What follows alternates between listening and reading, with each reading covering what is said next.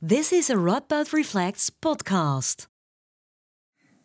If you regularly watch the news, and if you see the developments in politics all over the world, maybe, if you see viruses spreading and the fear for pandemics, if you see the forest burnings in Australia, forest fires, and the general concern about climate change, maybe there are other topics too, but you might think, well, this ancient idea of the apocalypse, this idea of the end of the world, it may not be so weird. Maybe the end of the world is not even far. What would happen if you would say this and scholar of religion Seth Bledsoe would be near?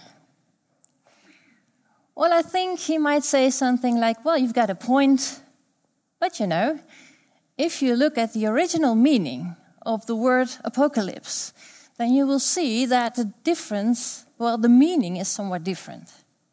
Apocalypse originally meant something like a secret knowledge about how the world works and about how the world will end. And this knowledge is known to only a few people. And of course, yes, then too, the end of the world, of course, it was violent and it was going to be chaotic, just like we imagine it now. But there's another big difference, and that is that in the original interpretation, the end of the world was not actually going to be the end of the world. Rather, it would be the start, the beginning of a new world. So, if we look at our ideas or imaginations of the apocalypse and the post apocalypse now, is there anything we can learn from these ancient, these original interpretations of the apocalypse? For example, if we look at films and video games, how is the end of the world portrayed there? And how does it differ from the way we looked at it, people looked at it uh, centuries ago? I'm very happy that he will tell us all about it tonight. Scholar of religion, Seth Bledsoe. He uh, is affiliated to Radboud University and he uh, studies ancient Jewish and Christian literature with a particular interest in the relationship between violence and religion, and of course, the apocalypse. Seth will give a lecture of about 40 minutes after which he will be interviewed. And I won't do this alone tonight. Uh, I've asked my colleague, Chida Temples, who's also a program manager at Radboud Reflects, to join me because I know a little bit about theology. He knows a lot about video games. So we thought we'd be a great team. Um, so there'll be the lecture, there'll be the interview, and of course, there will also be ample time for your own questions. Thank you for coming. It's really nice to see all of you here tonight on such a doomy uh, topic. Um, I hope you'll have a very interesting evening, and I'm happy to give the floor to Seth Bledsoe.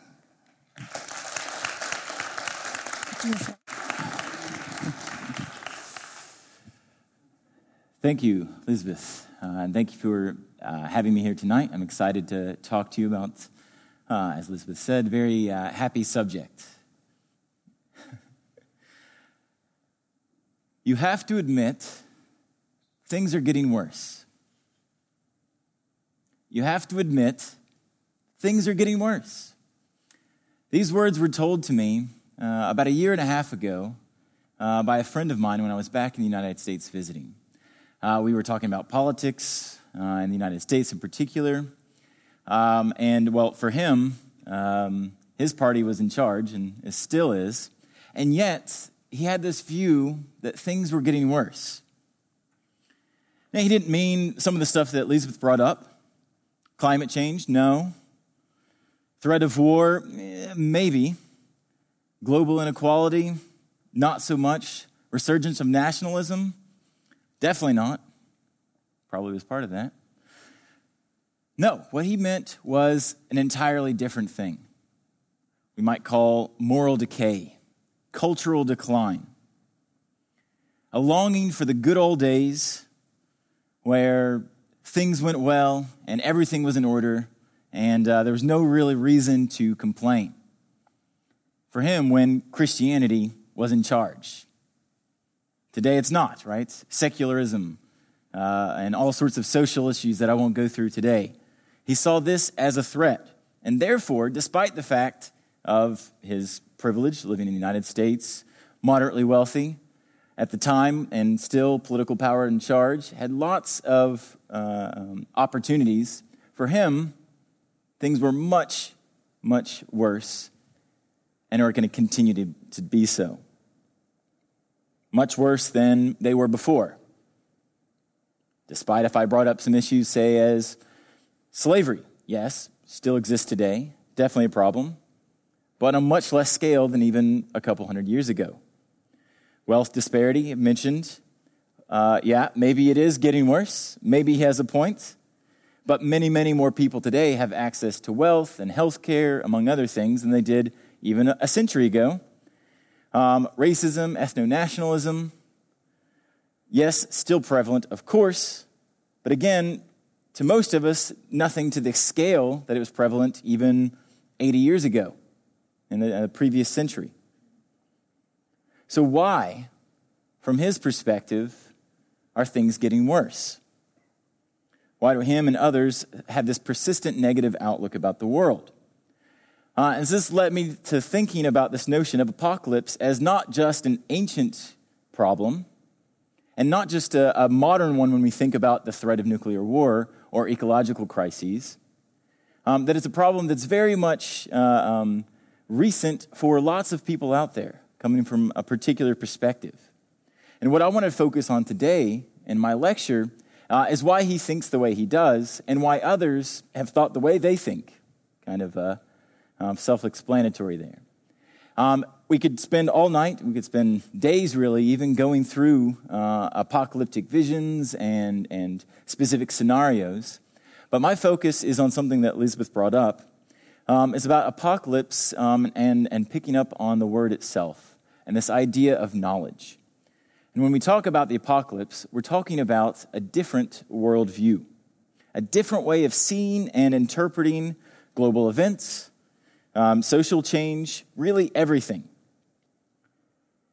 Now, again, I'm not offering a, a complete overview, overview what we're doing, but what I've titled this lecture tonight as the apocalyptic imagination is a way of trying to understand um, what it means to think differently, where this sort of special knowledge comes from, and also looking forward to the, uh, the interview and the question and answer about how this uh, special knowledge and the symbols and codes that go with it um, still inform pop culture today, what we might call secular culture today, and not just those that are operating still under a theological worldview.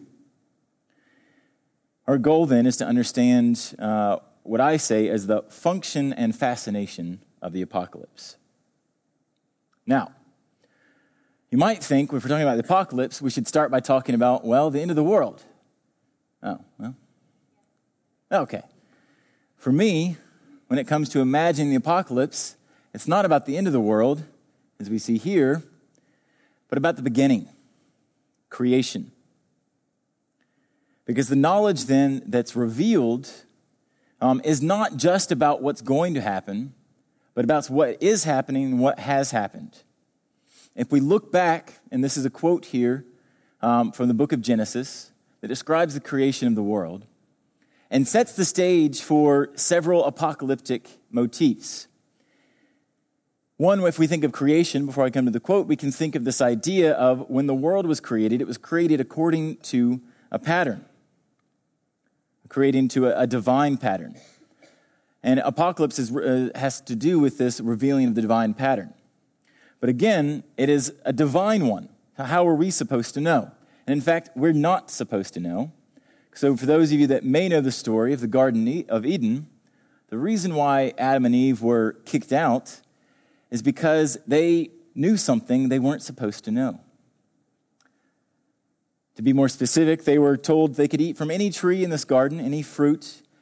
Um, in particular, there's one special tree that they could eat from. It was called the tree of life. As long as they kept eating, keep eating from that, they could uh, live forever, presumably. but there was one tree they weren't allowed to, and that's the tree of the knowledge of good and evil.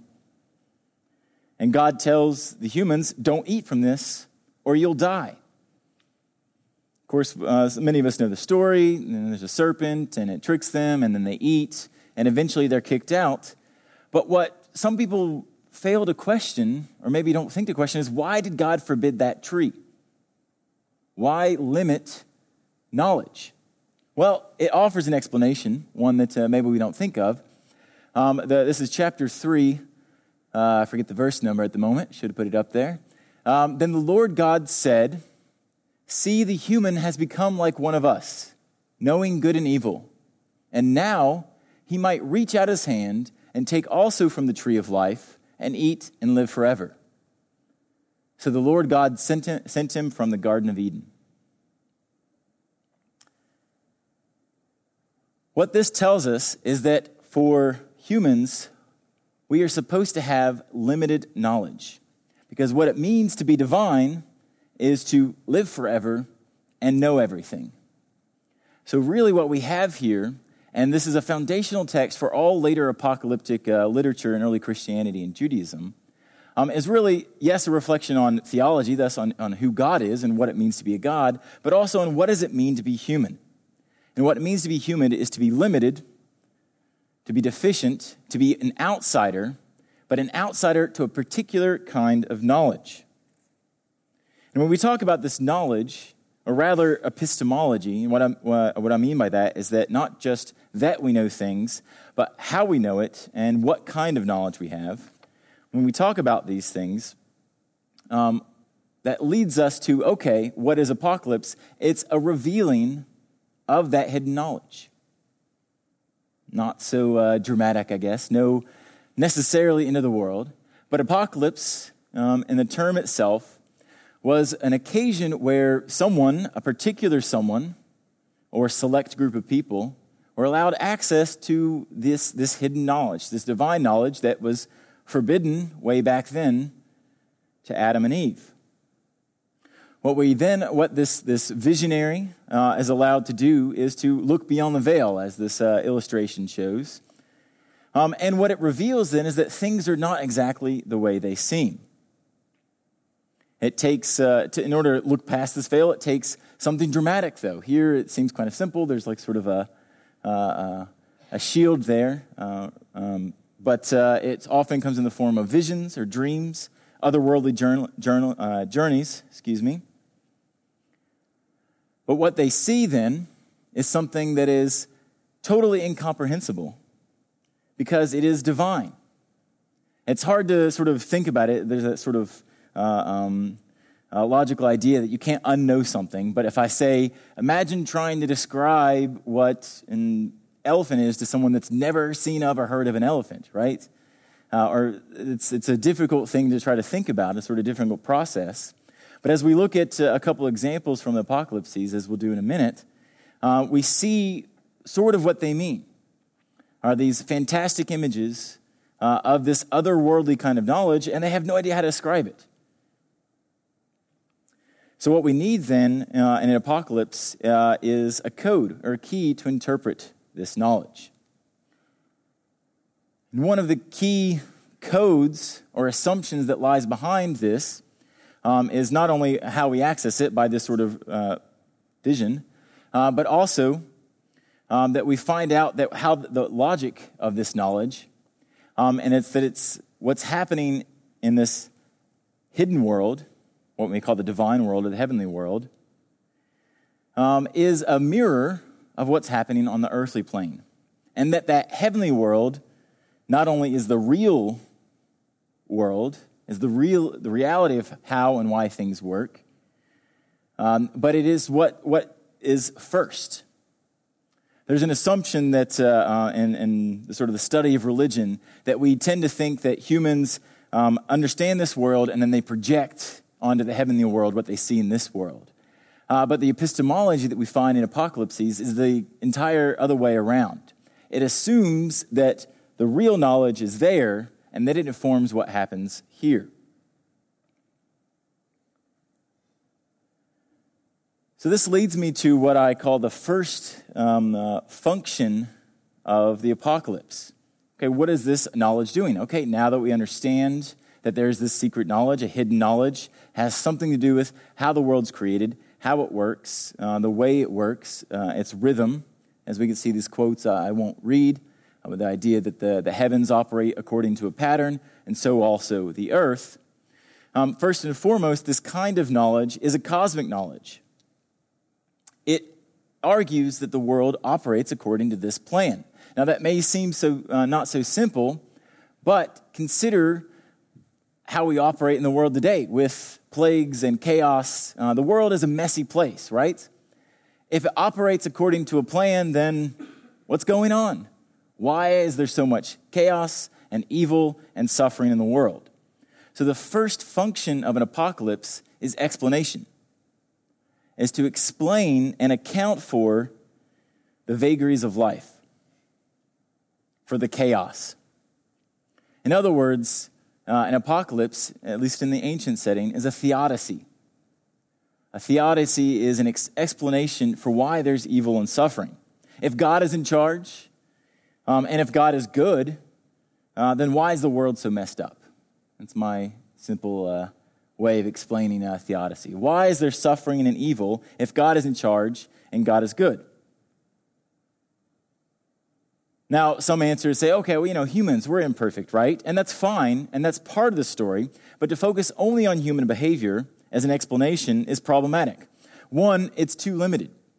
Again, this is from an apocalypticist point of view. It's too limited. The world is bigger than individual human deeds. And secondly, it implies that humanity uh, and humanity's behavior is what affects the cosmos, when, I, as I just said, it should be the other way around. And thus, to, to say that would be an affront to the sovereignty of God. What an apocalypse does is it offers an explanation for the chaos, and it assures that there's a logic. And, but the key to that logic is hidden behind the veil in the heavenly world. So, what we find then in the earth, yes, it is a reflection of the divine, but it's an imperfect one, an imperfect reflection. So let's dive in a little bit to this, uh, uh, this logic of the apocalypse. And I've uh, boiled it down to uh, sort of five themes of what it means to think apocalyptically um, in the ancient world. Some of this I sort of have said, and uh, uh, now I've arranged it into to a nice, neat column there with five things. Um, first is pronounced dualism. What I mean by this is that there's good and evil. That's not so dramatic. You know, lots of people think there's good and there's bad, and that's great, but pronounced dualism is that there's only good and only bad. It's this mentality of you're with us or against us, and there's nothing in between. Now, there's possibilities to switch sides, so to speak, but that's an extreme way of thinking. Um, and it, uh, I'll bring that up later in terms of what it means to think that the other side is evil, and absolutely so. There's no moral gray area. Second is cosmic scope. Probably not surprising for this one, is the idea that an apocalypticist thinks that everything that's happening has massive implications for the entire world. There's nothing local. Or if it is local, it's also part of a much grander design. Third is historical decay, with that quote that I began with. And here's where the explanatory part comes in, is that it it says, okay, why are things getting worse? Why are the people of God um, suffering while the evil uh, empires are ruling? Well, it's because it's supposed to. The world is supposed to get worse. Uh, historical decay, things are supposed to get worse. And it says, okay, you know, why, why does God not help us out from time to time? Well, God does, but only in dramatic ways. And ultimately, God will intervene in a big way. So, yes, while you might question why isn't God helping us out right now, don't worry. Again, it's part of this divine cosmic plan, but God will intervene eventually in a big way, usually in the, some form of a final battle between good and evil. And then lastly, it doesn't end this, this final battle that we'll come back to, this sort of Armageddon, uh, is what we think of mostly when we think of apocalypse. Um, as Elizabeth uh, rightly said, um, this is not the last part of it, is that it's not the end of everything. In fact, it's very much a beginning. The idea that uh, finally, in this drama, drama that's been happening for centuries of good versus evil, of the pronounced dualism, eventually good's got to win out ultimately, as in no more battles. And yes, uh, so that's prefaced by the big final battle. But then God will come and usher in an eschatological new age. Eschatological is the fancy word for um, the end times. As in, at some point in this constant back and forth between good and evil, good will win out entirely and evil will be defeated entirely. Eschatological, the end. So, what I want to do now then is pause and take a look at one example from antiquity that illustrates some of these themes that I'm talking about. And in particular, I've chosen the book of Revelation. Of course, some of you say, well, that's the obvious one, right? That's from the New Testament. Uh, and that's why I'm doing it, because also in sort of thinking forward, uh, the book of Revelation, uh, it's not necessarily the, the most popular at the time. There were several other apocalypses. But uh, in the history of Christian and Jewish and Islamic thought, the book of Revelation um, has had a, a, priority, a place of priority. That its themes and uh, symbols have inspired later apocalyptic thought. And so, any sort of discussion of, say, uh, apocalyptic thought in medieval Europe or apocalyptic thought um, today, even in a, say, a, a secular post apocalyptic kind of context, um, I, I, I, would, it would be uh, hard pressed to find an occasion where there's not at least some sort of theme or, or image that's, in, that's not inspired by the book of Revelation. Very briefly, just to, to add some context in case you're not familiar with it, um, it's from the first, maybe late, uh, late first, early second century um, CE. This is time of uh, the Roman Empire.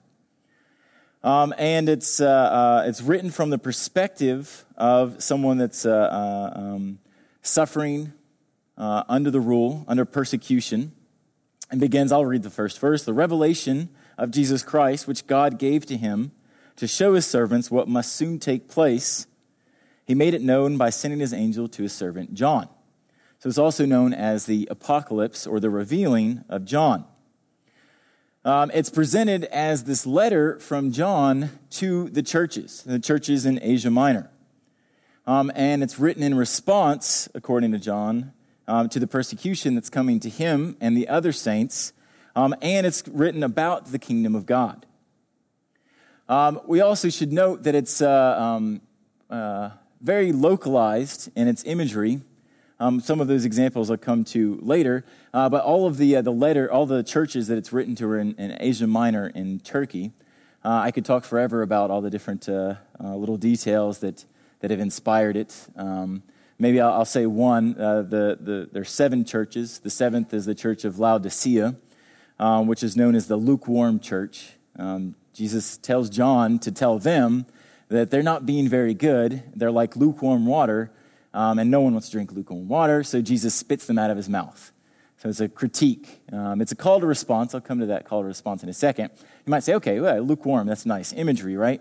Um, it, it, comes from here. It comes, uh, it's hard to see in this image, but uh, Laodicea is in the Lycus River Valley um, and a little hill that's right there, or maybe that hill. I can't ever remember which one. Um, but here in the foreground are hot baths in Pamukkale. Um, there were hot baths back then, back then with nice minerals. You rest in really hot water, um, several degrees Celsius. I don't know Celsius, typical American. Um, but uh, so there's hot baths there, and you can see maybe in the background here are mountains. And on top of the mountains, of course, are snow and fresh spring water. And so Laodicea was sort of in the dead center of this valley, nowhere near any other sort of source of water. And it was kind of the butt of a lot of jokes in the ancient world because the only water you could get in Laodicea was lukewarm. Because by the time it came down from the mountains, it, it had warmed up, the cold water. And by the time this hot, healthy spring water got to Laodicea, it had cooled down. So Anyway, there's lots of inside jokes there. I could go on forever. Uh, but uh, the, if I had to, to, narrow down what Revelation is about, what this text is about, and what informs us about apocalyptic imagination, um, is this verse here uh, in uh, chapter 1, verse 19. Very short. Um, this is uh, the angel telling John, Now write what you have seen, what is, and what is to take place after this. And hence my, uh, nerdy quote of uh, um, uh, Galadriel there from the Lord of the Rings is things that were, things that are, and things that have not yet come to pass. Um, and that uh, when we're talking about a revelation, yes, it is things that are going to take place after this. But notice again, here in the sort of original uh, apocalypse, at least from a Christian perspective, um, it is also about, it, it's rooted in what has happened, what's currently happen, happening to the church at the time, um, and then, of course, what will happen.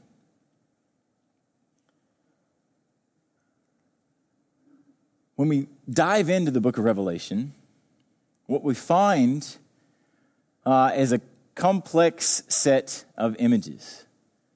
Fantastic, crazy images, violent, destructive, war, pestilence, locusts with faces of humans and legs of horses, strange things. And what it teaches us, what we, what, we couldn't go through all of these images. I'll talk about a couple of them in a second. But what, well, the one takeaway that it tells us is that uh, uh, what we have here in Revelation is an on paper, in a sense, acknowledgement that what we're dealing with apocalypse is a hidden kind of knowledge, a secret code.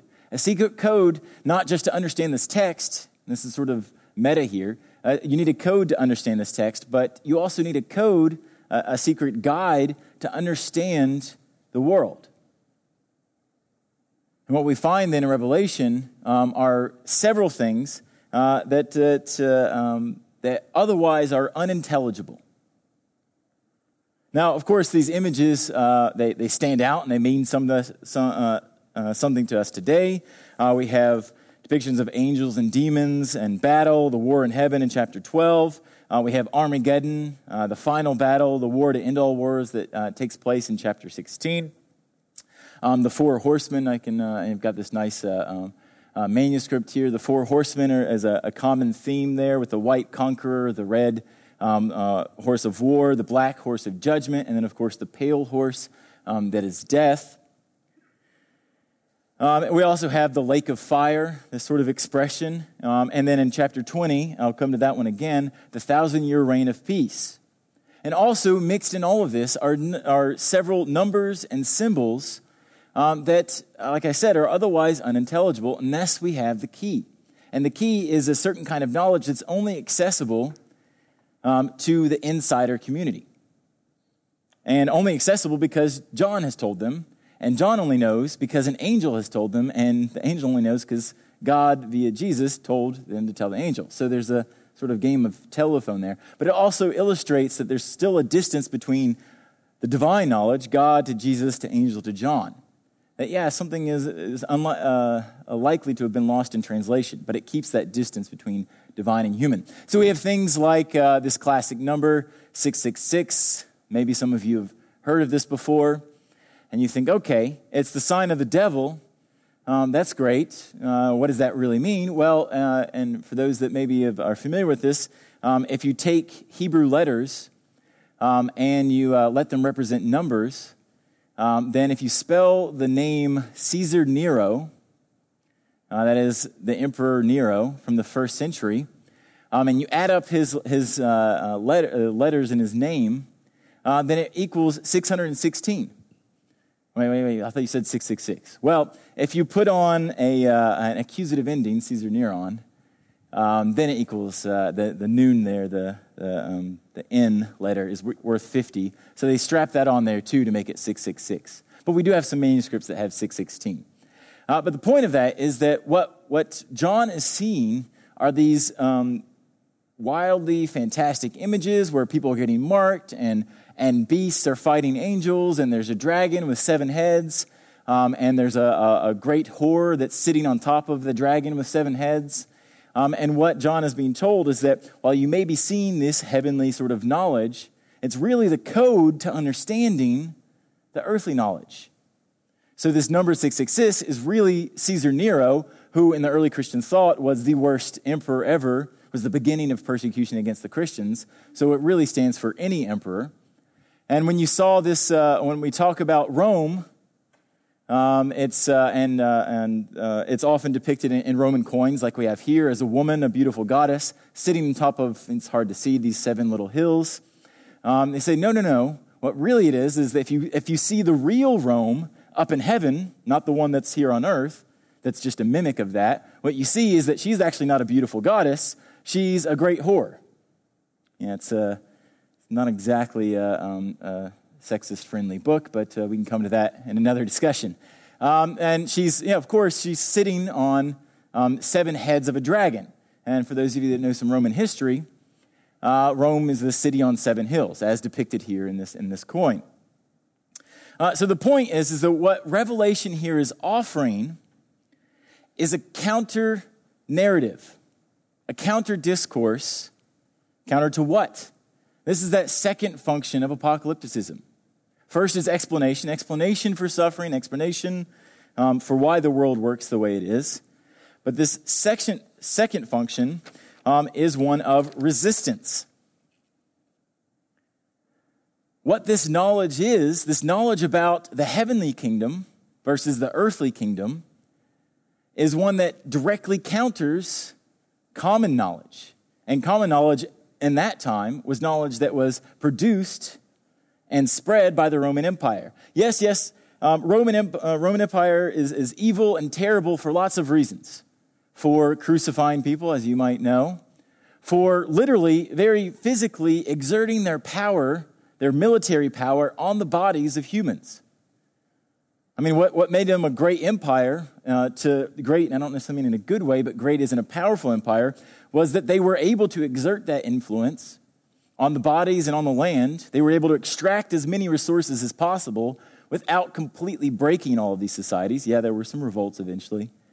But in general, during their heyday, was that they were able to exert that power in a very physical way. But what an empire is, is not just someone that goes out uh, like some sort of bully in a Darwin sense, and this is I'm bigger and stronger, so I beat you up and take your stuff, and just expand that to an empire. That's part of it. But what an empire um, does, and that's the most powerful, is uh, what Gramsci calls the hegemony, is it controls the way people think. You understand the world in a certain way, and it impresses that thought, that worldview onto its subjects. And so, what apocalypses do, what the apocalyptic imagination is, is a space, here a rhetorical, literary space, to counter that narrative. To say, no, Rome, you aren't the most powerful thing. No, when you are beating our bodies, it's actually for the glory of God somehow. It offers an alternative way of thinking. And it does it by, again, resorting to the idea that what's happening on earth is not really what's happening. It's just an echo, a reflection, a poor one at that, of what's happening on heaven. And in heaven, we see the real drama taking place. And eventually, eventually that uh, will be resolved. And there's our four horsemen. Now, I'll take a brief pause here. We got a couple minutes. And, and talk about how Revelation is not the only apocalypse from this time period. There are several different writings that reflect this worldview. I'm just using one. I, I feel I, actually had sort of the idea of at some point of just saying, I'm going to talk about Revelation, then I'm going to talk about the apocalypse of Peter, but no, then I'm going to talk about First Enoch and Fourth Ezra and Second Baruch, and talk about all these different texts that maybe you've never heard of. Um, or maybe you have. That's great if you have. You've been in my class. You have, I hope. Um, it would take forever. But uh, what I thought was probably a little more efficient is to say Revelation's not the only one. It's the one we know the most because it made it into Christian canons. But it's certainly not the, it's not the only one. It's definitely not the earliest. One, we can think of something from the Old Testament, from the Hebrew Bible, of Daniel 7 through 12 as an apocalypse. Um, and there's others that are older um, and parallel. Uh, but what might be more efficient is to talk about generally what we find in these things, and it's a, it's a way of sort of orienting. Because this worldview, this idea of thinking about, hey, uh, we think of the world differently than, than everyone else, again, hopefully there's some echoes of uh, my friend back there, that we have a different way of understanding the world, and it's very much anti Roman, at least in this case, or previously with Daniel, anti Greek um, is that it became a very popular worldview and it became a, a very popular way uh, of promoting this was to write these dramatic, um, um, what we call apocalypses, for lack of genre, but dramatic sort of revelations, prophecies. Um, they're filled with heavenly journeys and or uh, historical sketches explaining how the world works by either going to heaven and hell and looking at, at, uh, at how they're made up, and thus it's reflected here, or sometimes by looking back, um, like that quote from Enoch I gave you earlier about how the world has worked according to a pattern, but we just didn't understand the pattern. So it's really not chaos, there's really a pattern. Um, and uh, along the way, we need a divine messenger, an angel, to explain these things because, again, we're getting access to a divine kind of knowledge that we otherwise um, can't understand. So, even these special prophets like John and Daniel and Enoch and Ezra, even though they have this sort of these elevated status figures in the community, even though they get this special knowledge, they can't understand it without an angel to interpret them for it, uh, to interpret it for them. In each of these apocalypses, then, they are focused not only on, the past and not only on the distant future, but on the present. So we often get a historical review that maybe these are like the whole world cosmos historical view. This one often very short political, like I said, the allusions to Rome, and an assumption, uh, a description about the immediate future, uh, an anticipation that things will change soon.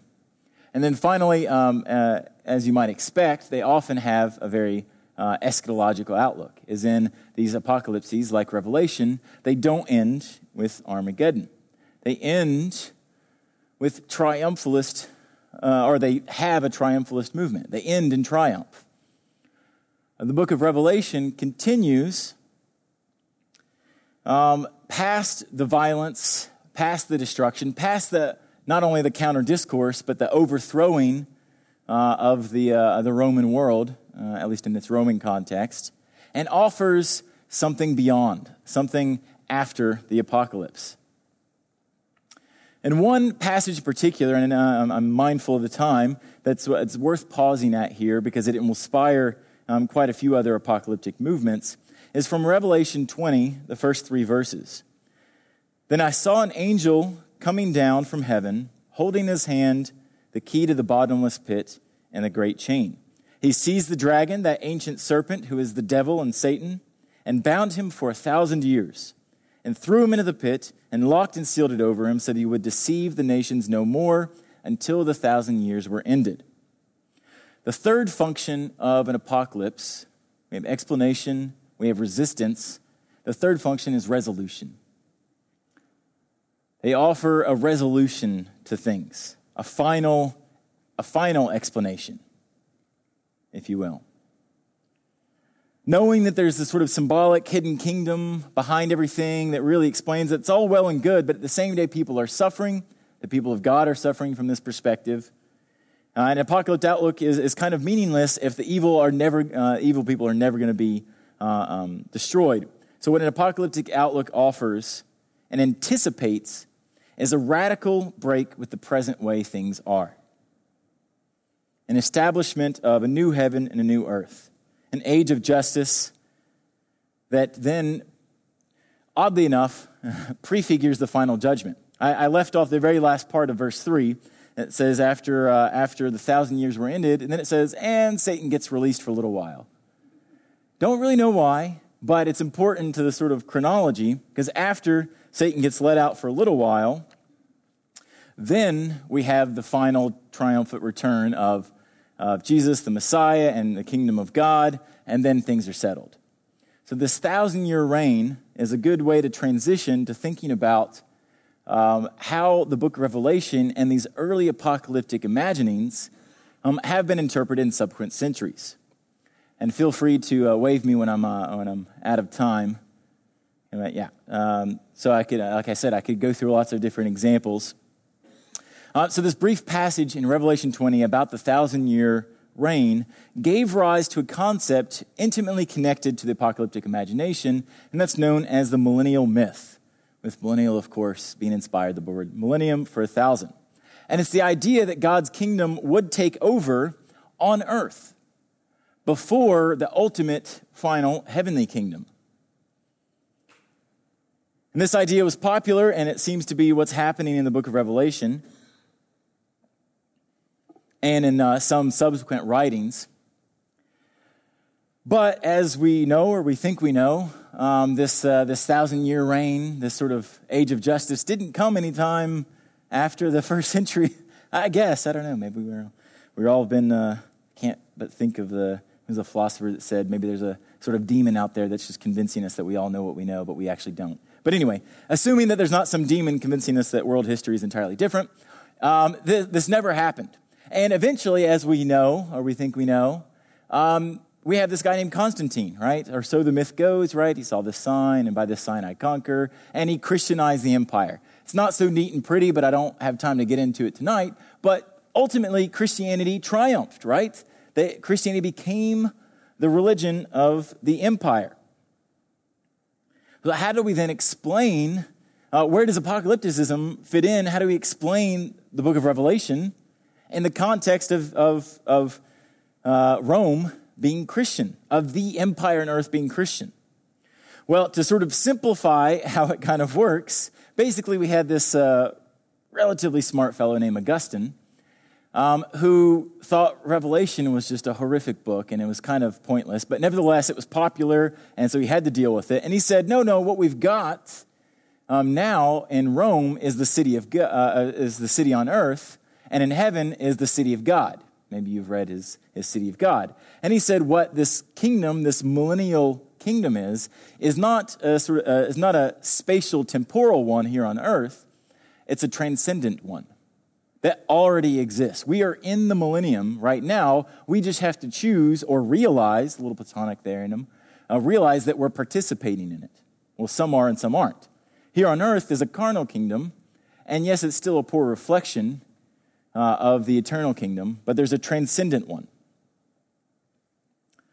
This in turn gave rise to this idea that if, yeah, if we are part of uh, this, uh, um, uh, this kingdom of God on earth, even if like the real one is still in heaven, transcendent. Um, this gave rise to this idea that, uh, well, shouldn't we, we, we still thought that this, this millennium should happen, and it sort of morphed Augustine a little bit and said, no, the millennium is still there, we just haven't achieved it yet. So it gave rise to what's called postmillennialism. That is, the return of Jesus doesn't usher in a new kingdom, but rather at some point, we on earth will form this great society, this great just kingdom of God on earth, this millennium, and then Jesus will come and usher in the new age. So it's up to us. Either it's, it's iterated either actively or passively. Um, it's the so called last emperor myth. And it's been quite a powerful idea in that, that we can create paradise here on earth. It inspired in part Germany in the 20th century. It's inspired in part quite a bit in, uh, in American mythology uh, and, uh, and its uh, colonialist efforts in the recent centuries. So, still popular, but the, by far the most popular or maybe most interesting, and I'll end, end with this, is the premillennialists. And that's the idea that uh, it's seen Revelation not as something that had to do with the first century, it did a little bit, but it's a guidebook for us today, and that the world is still getting worse. The forces of evil are still in charge, and things are going to continue to continue to unravel. And we need to jump into this uh, way of thinking that's resistant to that to the world and expect Jesus to come soon to usher in a new millennium. So uh, it leaves with, uh, I won't go through the different examples like Oneida Community, Heaven's Gate, and, uh, and others, but we get some sort of, uh, uh, we'll end with this nice fancy illustration. We get some uh, illustrations that charter out um, everything in the book of Revelation, also a little bit inspiration from Daniel and other texts, and say each of those things, each of the things in that text is a symbol that we can use to then interpret our world today everything we see in our world today can be interpreted through that lens. And that informed the apocalyptic imagination. Um, what this used to be fringe groups, and for some, maybe it still is. But over the 20th century, it became somewhat mainstream. This idea of thinking that the world and its cultural progress is an antithesis to God's kingdom, and therefore, we should still expect the millennium. So the apocalyptic imagination um, uh, is not a schematization of the future, at least not only. It's not just about this end of this world, but it's a discourse, a way of thinking, a way of speaking that provokes a response. It's a language of hope and comfort in the face of suffering, uh, an evil, a language of resistance to the narrative of the world, a language of resolution, uh, a language of solving the final problems uh, of the world in one way or another. And uh, with that, I will end, and hopefully, we'll talk about how some of those uh, problems were solved by way of video games. Thank you.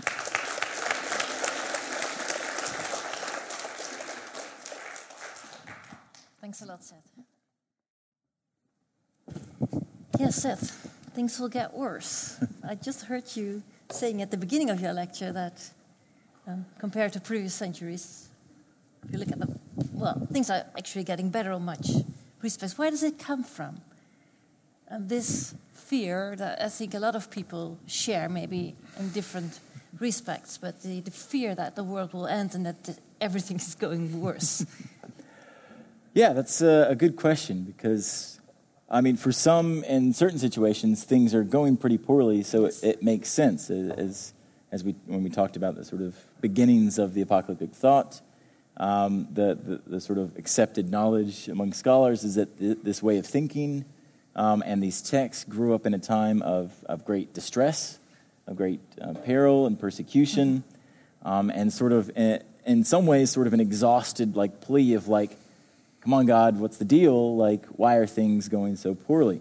But as I began the lecture and started to toward the end, is that there are times where we're in power, so to speak. We're among the, the sort of normative group in charge, and yet we still have these fears.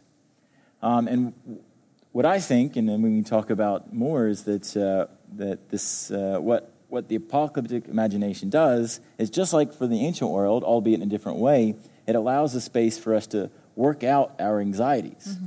In that context, we might call them theological anxieties, although I don't like to sort of divide so strongly. How does that work?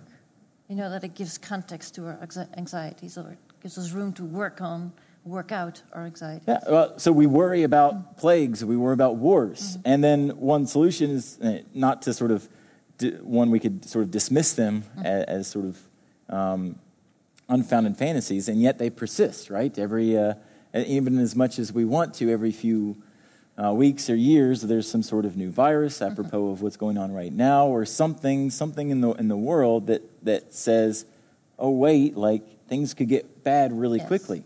And so, what the sort of apocalyptic uh, imagination does is it allows for us to play out that fantasy mm-hmm. in a way that that for some suits us is say, "Okay, this is what happens when it does, or if it does, and we can here's how we can resolve it." Um, but uh, as the comment I liked uh, earlier, is that sometimes what we find in these uh, apocalyptic fantasies are, are quite pessimistic. Um, and that it's uh, us also with another comment earlier, is that um, it's not about giving meaning to the suffering, it's simply just about surviving. Mm-hmm. Um, so, but it's, it's a space, a discursive space where we can work out, whichever way we go, um, this anxiety that we have. Yes, so could it be that we live in, you just said, we live in a time in which we have a lot of control on many things, and that those things we don't control, like viruses, like AI going rogue, or, or like um, uh, climate change, mm-hmm. um, these are getting, well, they're getting onto us maybe even more than in previous ages where people were used to not being in control. Yeah, yeah, it's a, it's a response to helplessness, mm-hmm. uh, yes. Uh, indeed and in, in sort of both contexts. One, um, sort of theological answer is that God's in charge, and even though things really are, are terrible, mm-hmm. Sort of this idea that we're, we are helpless, but don't worry, God's in charge. Mm-hmm. And now it's we're helpless, and yes. what do we do, right? Yes. Yeah. Um, so this is how I, it's, it's not, I think it's helpful to think with the past to try to understand what's going on because mm-hmm. they're doing a, a similar um, thought exercise, but uh, we have to consider the fact. Uh, so what's, what's changed is is not this divine scripted kind of apocalypse, but uh, sort of a meaningless apocalypse. That's yeah. perhaps the most. Uh, Why? If I if I want to wander down the path of uh, potential uh, um, sadness and pessimism, that's what is is most right. Like God in charge, if you have that sort uh-huh. of mindset, and, and people do today, just like antiquity, that God's in charge, it doesn't matter how it happens necessarily. It could be natural disasters, or it could be uh, um, a zombie apocalypse, but God did it. Um, but, uh, but for those that don't have this sort of notion, don't operate in a worldview that God's in charge, Um, and yet the apocalypse could still happen viruses or, or nuclear war. Um, then uh, it's, we're confronted with the meaningless, as in, as in a, an end of the world that's not for any good reason. Uh, Mm-hmm. There's no divine plan. Um, that's, that's the anxiety I think that we're, that's the, the scariest for most people. And there's is- no one going to help us out. We have to pull ourselves out of the yeah. morass. So yeah, there's lots of different responses, uh, lots of different uh, ways of saying, you know, we, we got ourselves into it, we can get Yeah. ourselves out. Uh, we so- can. Well, some, right? Like, Yes. That's the, the thing with thinking about apocalypse um, is I've presented one small slice. Granted, maybe uh, in a, in a well-conditioned ancient world that we, we think we know about, and it inspired later thought, but it's, it's gone all sorts of different directions. Like I, I don't want to say apocalypticists think that there's a solution, because many think no, the solution is that there is no solution. That at, at best you survive whatever the coming destruction is, and then it's about continuing that survival. But some think no, it's an opportunity to rebuild, that we can uh, start anew. That uh, you can't create the for some millennialists, even in a theological concept, you can't create the millennium until you destroy the old one. You can't create the the, the kingdom of justice until you've destroyed the, the, the kingdom of evil, mm-hmm. essentially, of Yes. injustice. But if you look at this, well, happenings from a secular perspective, Yeah. how well, how can we find a solution if we don't have anyone, or we don't have like a third party involved who might um, help us out?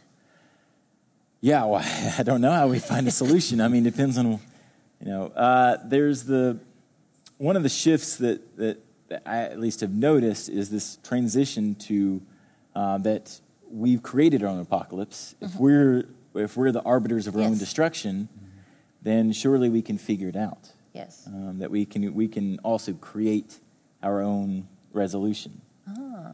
But uh, to what extent is that different? Because you, okay, you can say, okay, we created our own apocalypse, and that's what you see in certain movies, maybe that you mm-hmm. indeed this AI going rogue you mm-hmm. refer to. Yeah. But if we go back to the early text, aren't we the one who well, essentially initiate initiate our own doom as well? uh, Except it's brought about by God, or Yeah, no, that's a good point, right? It's it's it depends a lot on one's theology, right? Is is God this hands-on, like affecting everything, or maybe for some God's just the the old dude in the in history that flicked the first domino, and then the rest is sort of we're just being tugged along, like that that classic philosophical thing of uh, there's a, a truck and pulling a, a dog to a leash. We have some little way to move about, but that truck's going one way or the other.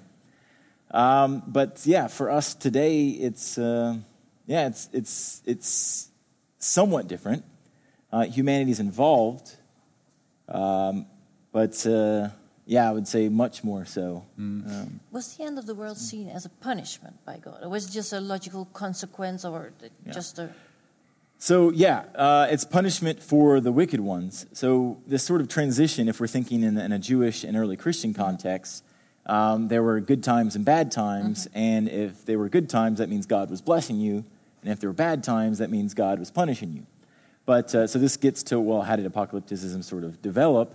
Is that uh, so? The logic goes by about the second century BCE, um, the Jewish people had been centuries since they had their own kingdom. They'd been under oppression by foreign rulers for centuries. How do you maintain a theology that puts your God on top, um, and yet you have been essentially slaves, um, at, the, at the very least, subservient people for centuries?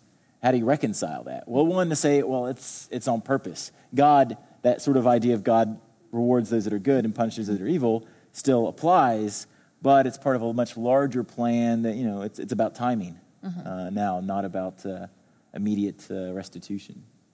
Yes, so the idea of punishment may be the same because I think now Yeah. also we think ha- it's sort of a punishment, just not given to us by God. Yeah, yeah, But we we do would- it, we give it upon ourselves, we put it upon ourselves. Even when we think in a sort of non-theological or secular, Yes. if you will, context, we, we tend to think of these things as self-inflicted. Um, I mean, not always though, right? I mean, we don't always think of disease as, as our fault or, well, I was going to say natural disasters until, you know. so, So, so we, we t- briefly talked about punishment. I was wondering. So we mainly talked about the. You mainly talked about the Abrahamic religions, Um, so is there also apocalypse in different cultures?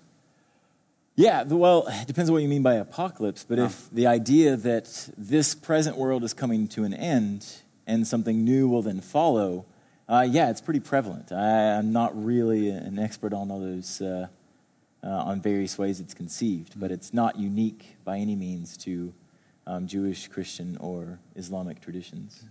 So okay, so maybe I'm I'm going to ask you the question anyway, and if you're And I'm going to deflect anyway. Yeah, that's good. so I was, so okay, if it's not necessarily punishment, but it does recur in other religions, Mm-hmm. is it always this well pretty gloomy, doomy scenario, or could there also be like okay, we're entering this new, more just age without all this seemingly necessary destruction? Well, I don't know about without destruction, but sort of the positive spin on it. It's, uh, I feel like, I know there's some myth out there, but it's, it's sort of likened to a snake um, that uh, is going in a circle and it, it sheds its skin. And the new skin is nicer and better, as in certain worlds, they're good at the beginning or good ish, and then it gets worse, and then you shed off the old world and start anew. And with that cycle, you get slightly better each time. So there's an upward trajectory. Whereas in the uh, in most, uh, as far as I know, most of Jewish and uh, uh, Christian apocalyptic, um, it's a downward trajectory, right? Like there are times of good where it seems like things are going well, but it's still a downward spiral. As in, good comes up, but then it's that, but it's eventually getting worse and worse and worse. But then jumped up. Right. Yeah. Yeah. So- Okay. Yeah. Mm. We selected a couple of fragments because there's so much on the apocalypse. So uh, maybe if you have you have seen this, there was this 29 in of, yeah in 2009 there was this movie called 2012. Apparently, the world would end that day, and it kind of captures almost every apocalyptic natural disaster that uh, we could witness. So we'll just briefly watch a short clip. Okay. so um, I think this was the Himalaya mountains we saw being uh, Mhm. smooshed, swooshed over by a giant tsunami. Yeah. But why I well I could have picked out of a wide variety of movies. I think. Didn't know you'd pick that one, but not surprised. okay. Did you see it? The movie. yes, yes. Yeah. Okay. So, but I was, was wondering. So you, you- we kind of can see it maybe a trend in how the apocalypse has been perceived throughout the ages. It also featured in your lectures. Okay. First, we were might might have been re- reference to Greece, then to Rome. hmm What explains this? And if we, if you look at more contemporary culture, what kind of cha- do you perceive certain changes in how we, in a more secular society, perceive this apocalypse? Yeah, so I think, um, for better or worse, the film is- definitely worth watching because it, it brings in a couple of things. Uh, obviously, some of the biblical themes. This, uh, these things are called arks. It's inspired by the sort of flood of Noah, which is very apocalyptic. Um, uh, Jesus in Matthew 24 um, talks about the coming apocalypse, and he calls it, it, it "Nothing has been seen like this since the days of Noah."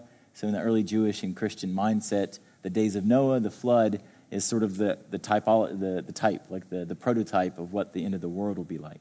So I like the film for picking up on some of those themes. You can't, I can't see that theme without that movie without thinking of that.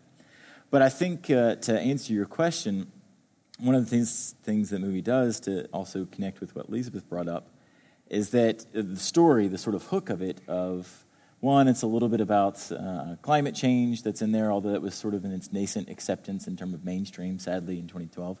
But, uh, um, but it also brings in something that I, I, I didn't talk about, but I could have, sort of only alluded to, and then it brings up this idea of class and society. Um, and that's uh, what that tries to, that movie tries to think through, maybe not so eloquently, um, is this idea that this, this new world that will exist after the ark is supposedly a classless society. Like the idea is the lottery was supposed to work regardless of your income. Now, we know that doesn't, like that if you follow the film, then you know certain But what is wealthy the- people do it, but it's a critique of the social class system that we've got. Um, so, yeah, it's about the end of the world, but it's also about critiquing our society. About current society. Yeah, current society. Yeah. So that is the reason for the apocalypse in this film. Well, I, it, there's, if if I remember, I haven't seen it in a while. I don't think that someone come out and said, you know, we're all being punished because we know, uh, we, you know, there's wealth inequality and we you know, stamp on the poor or something like that. I don't think that's there. But that's part of the narrative. The sort of moral narrative is we feel with the people that are getting left out of this because they don't have the money, and the mm-hmm. wealthy people clearly, clearly, someone's been selling the spots on the boat when they're not supposed to. Mm-hmm. So we're, we're thinking with those people that see oppression. And so part of the, the narrative of, this, of the movie is not just the coming apocalypse, but overcoming this class distinction, or at least calling it out and say, this is a problem with society. Yes. And this is the, no, sorry. No? I was going to say that if it's true that the apocalypse has had so many faces, um, can't it be that it's just like a, a, a foundational myth in which people try to deal with human responsibility, with human failure, and with maybe the human tendency to um, exploit or, or even um, uh, destroy the world and others? Yeah, I think, uh, I think you're right. Yeah, I think, um, especially if we think of recent film and literature, that it's become, yeah, myth is a great word. I might say it was sort of like this rhetorical space to question those things. Because what better way to, to, to think about the problems in society than by to wipe it out and say, if we build a new one, what's new? What's different? Those that are uh, tech scholars here will know that one way you can tell what someone really cares about is that when they are copying from something old, what do they leave in and what do they leave out? And it sort of really pinpoints what we think the issues are, what we find important, whether it be social structure, um, our uh, like Terminator, or um, some other uh, uh, like the AI. Um, Trying to think of the name of the movie. Uh, there's one where it's uh, AI gets out of control. Uh, Westworld is another good one. I, I wasn't thinking of that one, but uh, it sort of pinpoints this idea of unbridled advancements in technology. Um, just because we can create something, should we? Uh, that harks back to the Manhattan Project and the nuclear bomb, and this idea of, you know, that we're It was Create our own, yeah. Maybe if you can look at it that way, like an original myth, and I mean in Mm-hmm. the positive sense, then we don't have to think of oh, all these images of the four horsemen and the beast with the seven heads. And can they be historically true? Because no, of course they can't. so then is the story worthless? No, because maybe it's not real, but it's true in the sense of that it gives meaning to. Um, yeah. Well, I think you've, you've uh, answered your own question for me. Is that for me? I'm not, and uh, I'm not searching for these stories. Mm-hmm. What, what validates them as stories is not because they may, or, is not because some guy, whoever it was in, in the year 100, predicted these things and he got it all wrong. um, but what gives them meaning is that people for centuries have read them and saw them as significant. Yes. So, and what we what we do in the study of religion, right, is not we don't. I'm not talking about God. I'm not talking about angels, demons. I'm not even talking about the end of the world. I'm talking about people that talk about God and the end of the world, um, and what they find meaningful. Why is are you? no, no, I mean, why is this topic fascinating you? Well, uh, short stories. I, I'm a history nerd, and I, I like to read. So, uh, and that's why I'm mostly occupy the space of antiquity, even if I uh, want to understand the sort of ripple effect of how Revelation has been interpreted, say up to, to modern day. Um, yeah, I'll leave it at that. I'll say the short story. Long story later. long, long We'll do story the long story mind. with a beer after the program. Yes. Yes. So, so we, we, we talked about the apocalypse. Um, I, well, we also have to talk about the post-apocalypse, I guess. Yeah. Um, and when we were discussing this before we entered the program, we said, well, we have to discuss video games as well. That's one of the reasons why I Yeah. also tagged on. So maybe it's good to, uh, we selected a fragment from one of, well, I think one of your favorite games, and then we'll talk about the post-apocalyptic events in that. Yep. Okay. so Horizon Zero Dawn. Uh, one of the lines that, that, that got my ear was, "We have to find out why the world is ours no more." Yeah.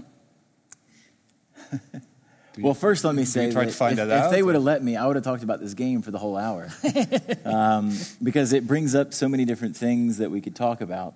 Um, well, sorry, what did you ask? well, maybe what, what's specifically? the what's the main thing you would want to talk about in regard to this?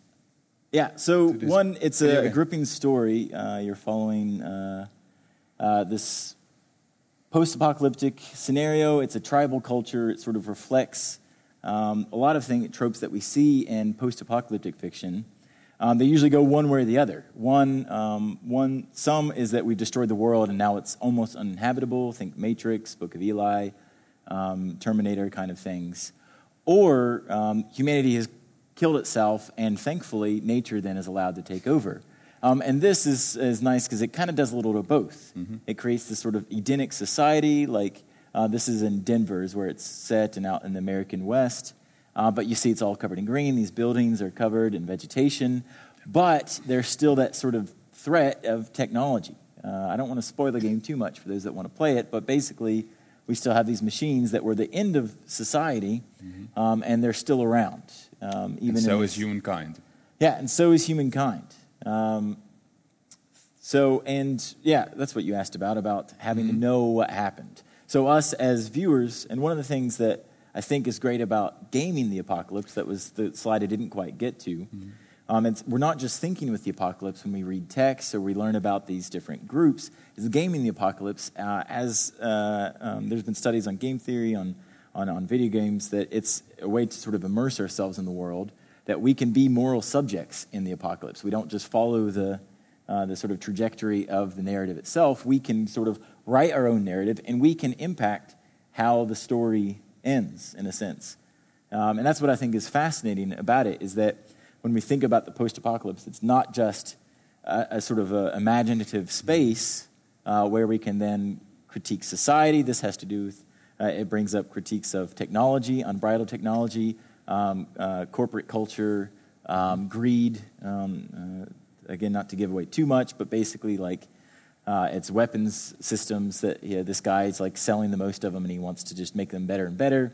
So he inserts an AI that's supposed to be self-replicating and it can uh, and can uh, what sounds like a good thing is it uses biofuels, right? And that sounds nice in our native age of like you know, but uh, it goes too far, and so and so eventually these machines can can consume everything that's organic and self-replicate, and it kills everything. Yeah.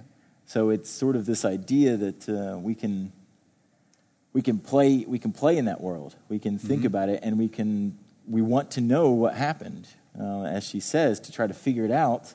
Why do we want to know? We want to know what we did wrong. Like that's sort of the irony is that it's it's an imaginary world, but we want to know what did humanity do back in its in this sort of revisionist history or potential history. And it conquers the helplessness, right? So we just said that you know if we now think about the, about the apocalypse, then it's the end. Yeah. That's it, and it's uh, it happens due to our own fault, Yeah. and we can't really solve it. And Yeah. and this video game, you get the chance, as you said, to uh, to intervene and to, to to change things. Well, to figure it out, but like you can't change it. It's already done, right? That's the the post-apocalyptic is so in apocalyptic sort of scenario, or is ideally is this like in Revelation and others, it's it's the impending apocalypse. Can we change? And In some cases, it's a call to response that either extends it or solves it. But in the post-apocalyptic, it's already happened, and now we have to sort of resolve things in that scenario. And so here, it's finding out what happened for us, that's what there's sort of two narratives going on. Us as players to say, okay, maybe I don't want to do this in the world. Like, eh, if you don't take it so seriously and just go around and kill a bunch of machines, that's fine. But it, at least it makes me uh, think this way of, of uh, our, what's wrong with society. It points these things out, whether I want to see them or not. At, at the same time, um, if you look at these post-apocalyptic scenarios, and I, when, when we go back to your lec- lecture, I, what I see, what seems to be missing in many of these movies and games is this triumphalist movement. I mean, after the apocalypse, I haven't seen this ten, this thousand years of happiness. It's always this pretty grim setting where we seem to have to deal with each other, but it's al- always this dog eat dog world. Yeah, yeah, you're right. Um, when it, whenever we see it in, in movies like, like Terminator or Book of Eli, like I've brought up, um, or even ones that, that end with a happy, happy ending, it's sort of a localized happy ending. It didn't solve the world pro- world's problems. And I don't think it's meant to, and I think it would not be really well received if it did, like because the anxieties are still there. At the end of the day, what it's doing is revealing, in a sense, uh, by pointing it out in a scenario where that's all we can think about. Yeah. Um, and you know, may, if it has an objective, the, the author or the film filmmaker or the uh, what have you has this sort of objective of, of, response, then that's great of us thinking about pollution or corporate mm-hmm. greed, whatever. But it points it out and says, okay, now what? Um, but it, it, it's not offering a sort of uh, um, panacea to, to the apocalypse. There's no um, final kind of resolution to the. No, but uh, it could be a way to raise awareness about certain yeah. dooms some people foresee. Yeah, so that's what I said. It's a that's what I, I think is the most alluring, at least to me, is that it's it's gripping, it's violent, um, uh, maybe problematically so. So we, we could go down that route, but it, it uh, these these apocalyptic or post-apocalyptic scenarios are, are, ways of of creating imaginary worlds that allow us to think about stuff that's happening in our world, uh, much like fantasy literature does as well. That it's sort of it's not safe to think about it in this world, although we have this sort of revisionist history type things like Watchmen and stuff that are a little different. Um, but it's a sort of a safe rhetorical way to think about. No one wants the nuclear uh, like Holocaust to happen, but what if it did? Then, then what do we do? Yeah. Right? It's a it's a place to think that through. Thank you for coming, and of course, thank you very much, Bledsoe, for being here and sharing your knowledge yes. with us. thank you.